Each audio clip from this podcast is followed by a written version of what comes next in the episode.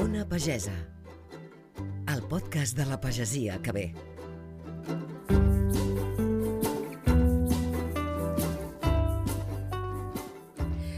Trobar casa eh, no és fàcil, en general no és fàcil, però a l'entorn rural encara menys. Això ho sap la nostra convidada d'avui, perquè professionalment ho veu tot sovint.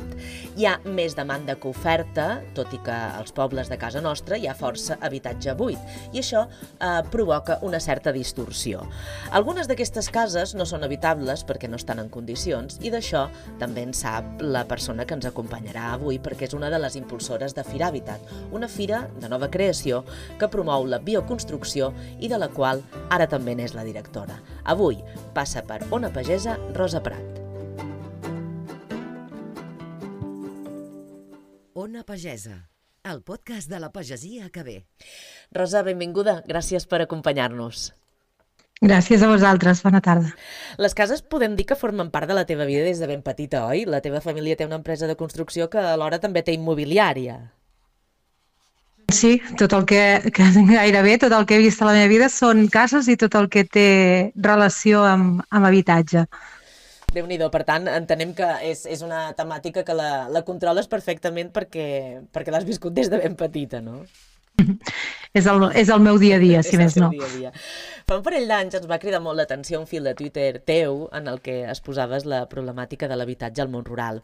Uh, hi ha moltes cases buides, però que no estan al mercat i per tant ens trobem que hi ha més demanda de, de cases que no pas, que no pas oferta. Per què, per què passa això exactament?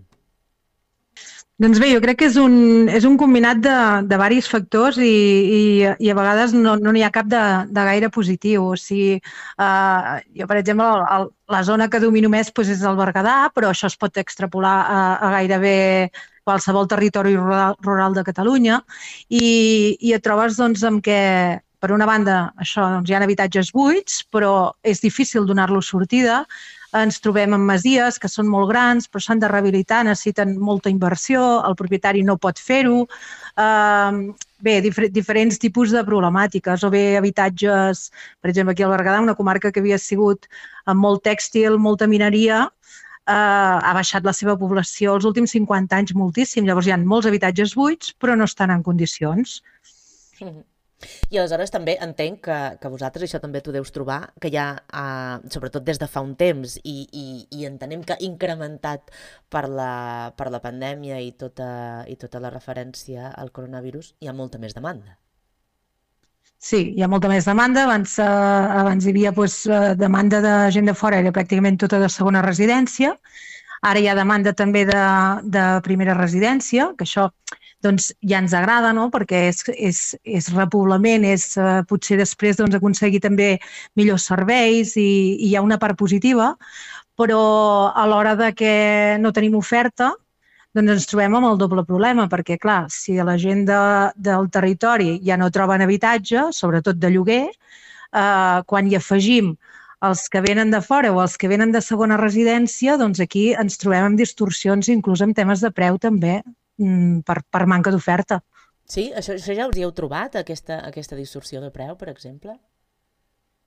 Clar, hi ha zones, hi ha zones que són més turístiques que d'altres, però els pobles que tenen, uh, tenen aquest punt més turístic, doncs passa que, que clar, doncs, per exemple, els propietaris doncs, prefereixen llogar de segona residència uns preus més alts i sense tant lligam, que no pas uh, llogar un habitatge habitual que t'has de lligar durant cinc anys amb un contracte molt diferent, no? Clar. I llavors el tema dels preus que, que clar, doncs hi ha zones que, que llavors fan pujar els preus i la gent que del territori mm, potser no cobren els mateixos sous o, o tenen les mateixes facilitats doncs, que tenen la gent de Barcelona. Llavors, clar, et trobes amb casuístiques doncs, bastant, uh, bastant difícils de resoldre.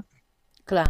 Uh, um, dèiem, i, i això les estadístiques ens ho diran d'aquí un temps, ara el que tenim és una intuïció, o el que veiem és una certa tendència, és que sí que hi ha molta gent que ha decidit anar-se'n a viure a un poble, deixar les ciutats, o hi ha gent que és, és d'un poble i ha decidit tornar-hi. Aquest increment de demanda va despuntar molt durant la pandèmia, però jo no sé ara en quin moment, eh, com ens trobem ara. No sé si hem tornat a la normalitat, si aquesta tendència s'ha consolidat o, o si s'està si incrementant. Com estem ara, Rosa? Bé, jo crec que s'ha estabilitzat, o sigui, no és aquell, uh, aquella demanda uh, en aquell moment no, de que sortíem d'un confinament i, i, i tenir aquell trosset de pati o tenir aquella natura al costat doncs ens era com, com molt vital, uh, ara també ho és, però ja és un plantejament de vida com més, més serè, sense la urgència, no? Sense fugir uh, però bé, sí que, no? sí que hi ha una part de demanda que s'ha consolidat en aquest aspecte i segueix havent-hi gent que estan fent el plantejament, sobretot pel tema de, de poder teletreballar en molts, en molts casos. No? Quan estàs a una horeta de Barcelona i et permeten dos o tres dies a la setmana teletreballar, doncs baixar a Barcelona dos dies a la setmana no representa un, un sobreesforç massa gran i molta gent fa aquest plantejament de canvi de vida. Clar, és molt més, és molt més fàcil i molt més, molt més senzill i és alguna cosa que potser no ens havíem plantejat que existia fins que no, no ens hi vam trobar obligats, no? Sí, exacte. I, i no sé, ara uh, uh, la, la principal demanda és de lloguer que teniu o, o, o de compra? Hi ha demanda de les, de les dues coses. Nosaltres estem, eh, estem en, una, en una zona doncs, que els preus dintre de que, de que hagin pogut pujar, sobretot els lloguers, doncs, encara segueixen sent assequibles per molta gent i això doncs, també fa que, que, que aquesta demanda es mantingui o, o amb el tema del lloguer augmenti. Um, de mica en mica que, el que passa és que quan hi ha més demanda, doncs també els preus eh, també s'estabilitzen o, o, o s'apugen a, a un nivell d'altres comarques i llavors acabem doncs, doncs estan com homogeneitzant una miqueta l'oferta i la demanda. Mm -hmm. Doncs seguirem ben de prop a veure com, com evoluciona no? aquesta, aquesta tendència. Però dèiem al començament que precisament sobre habitatge tu vas ser una de les impulsores de Firhabitat. Uh, juraria que se n'han fet dues edicions, si no m'equivoco, corregeix-me si no és així. Exacte. Que promou la construcció sostenible. Uh, D'alguna manera el Berguedà s'ha especialitzat en aquest tipus de construcció, podríem dir, eh? però explica'ns què vol dir exactament construcció uh, sostenible.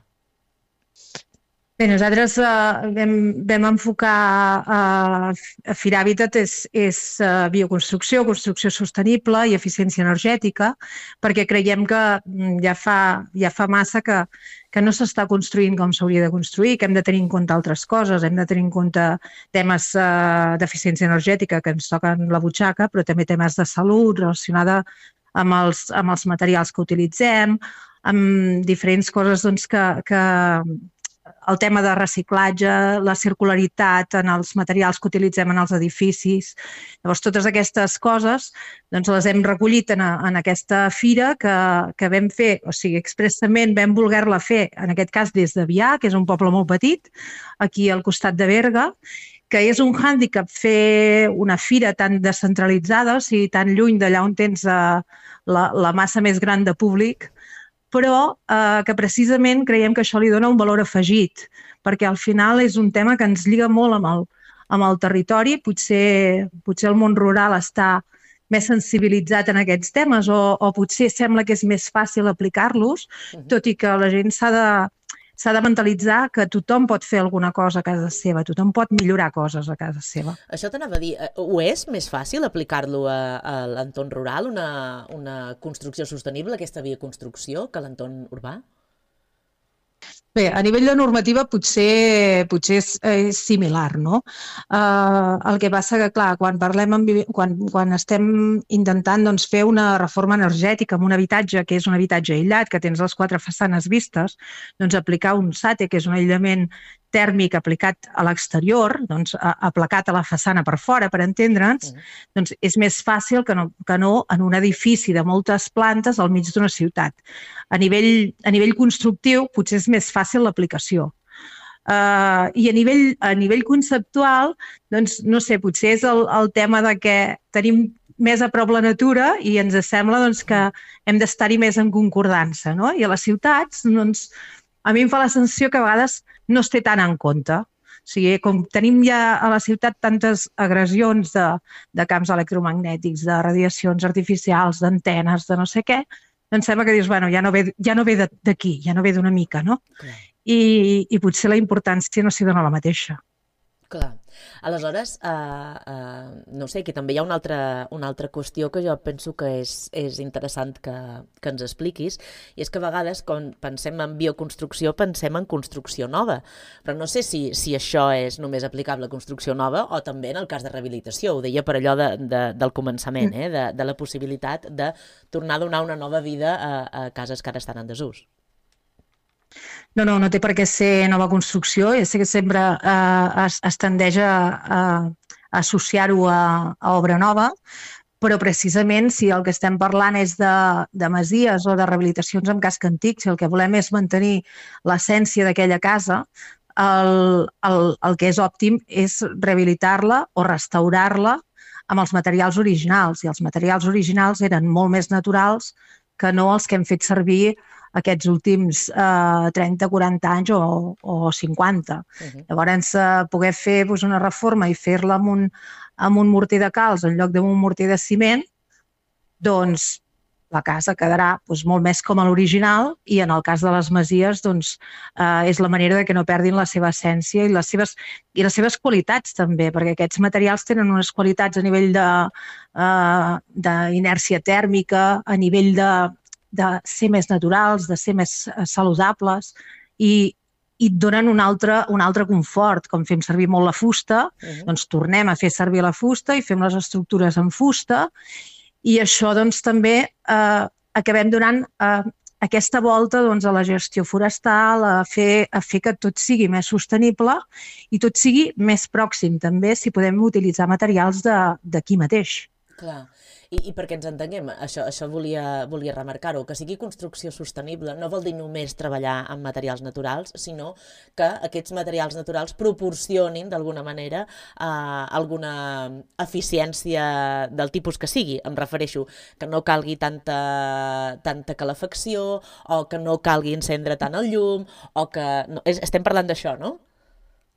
Exacte, sí, hem de, hem de tendir a ser uh, més au autònoms, uh, no dependre tant de, de, la, de les companyies, no dependre tant de, de factors que nosaltres no podem controlar, no? com, com hem, hem vist ara el tema del gas o el tema de les elèctriques. Uh -huh. Llavors, clar, com més, eh, com més puguem fer casa nostra adaptada al medi on està, com més puguem eh, aprofitar les qualitats del clima que tenim, i fer doncs, un disseny de la casa o una adaptació en, en rehabilitació de la casa que aprofiti les condicions meteorològiques o les condicions mediambientals del lloc on la construïm, doncs menys recursos haurem de destinar després a escalfar-la o a refrigerar-la a l'estiu.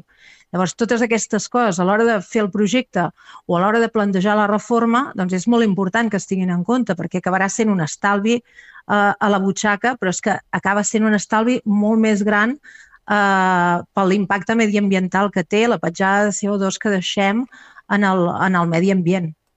Ara, precisament, que parlaves de, de despeses, tendim a pensar que si s'han si d'aplicar criteris de sostenibilitat, eh, això implica sempre que la factura serà més cara.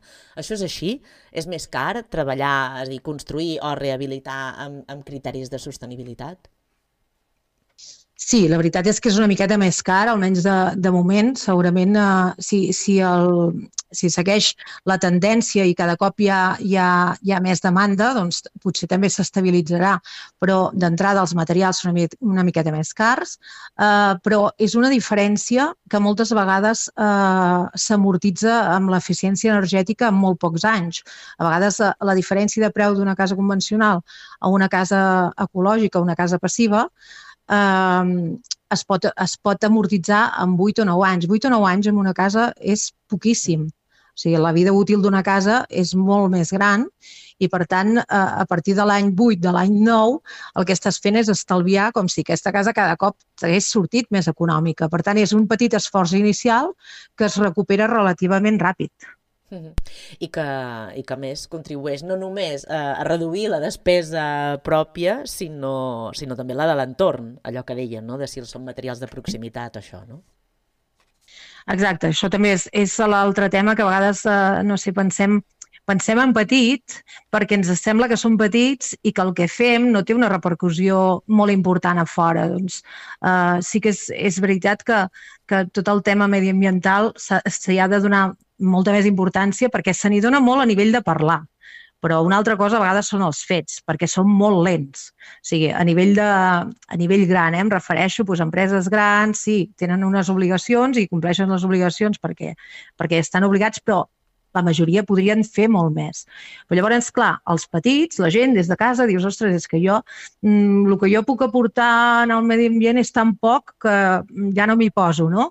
Doncs no, si tots fem aquest poc, si tots fem aquest petit esforç, o tenim en compte quines petites coses podem anar aplicant a casa nostra, eh, la veritat és que si ho féssim tots, els resultats serien francament visibles, estic segura. Seria molt diferent. Doncs amb aquest eh, missatge d'esperit col·laboratiu que ens comentaves, acabarem aquesta entrevista. Gràcies, Rosa, per haver-nos acompanyat en aquest capítol d'Ona Pagesa i haver-nos eh, acostat una mica més en aquesta problemàtica de l'habitatge a l'entorn rural. Moltes gràcies.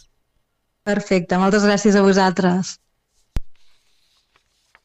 Una pagesa, el podcast de la pagesia que ve. En aquesta tercera temporada de Ona Pagesa, del podcast d'Arrels, acabem cada capítol a, a Lleida. La nostra companya, la periodista Eva Clausó, és l'encarregada d'acostar-nos la realitat de les terres de Lleida, el Pirineu i l'Aran. Amb tu, transformem el territori. Juneda ja disposa d'un espai reservat on s'explica la història de l'oli en aquesta zona. Recentment s'ha treballat a la transformació de l'antic molí de l'oli en un museu dinàmic, atractiu i connectat amb la societat del segle XXI. En aquest espai, antigament hi havia hagut la seu de la cooperativa del Camp de Juneda. El museu inclou a la primera planta l'exposició permanent Colors de Terra, on es mostren els resultats de les excavacions arqueològiques de l'aldea de Minferri, a la vall de la Femosa. Per tal d'ensenyar com es treballava abans l'oli, a la planta baixa trobareu una mostra de la maquinària i els diversos elements vinculats a la farina, l'oli i el vi. A més a més, també hi haurà un espai per fer-hi exposicions temporals que serviran per posar en valor diferents aspectes monogràfics del passat històric del territori. La distribució que s'ha fet a l'edifici ha de permetre poder arribar a un públic més ampli. En definitiva, es vol generar curiositat per descobrir la identitat i la trajectòria del territori i que els que la visiteu us sentiu identificats amb la zona i la seva manera de viure. Tot plegat es tracta d'una actuació inclosa en el projecte Paisatges de Ponent, del Patronat de Promoció Econòmica, cofinançat per la Diputació de Lleida i l'Ajuntament de Juneda amb fons FEDER, per un import de 70.000 euros. Us ha parlat Eva Claus Estival de les Terres de Lleida, al Pirineu i Aran. Moltes gràcies, Eva, i moltes gràcies als que ens heu acompanyat en aquest programa que us acosta a la realitat de l'entorn rural. Ona Pagesa és el podcast d'Arrel, el món que torna. Si voleu formar part de la nostra comunitat, només cal que entreu a arrels.info i us convidem també a seguir-nos a les nostres xarxes, a Twitter, Instagram i Facebook. Des dels estudis de Ràdio Amèrica Barcelona us hem acompanyat al control tècnic Mariel Lesnicheski Boronat i qui us ha parlat Margalida Ripoll Ferrer. Aquest podcast compta amb el suport del Departament d'Acció Climàtica, Alimentació i Agenda Rural.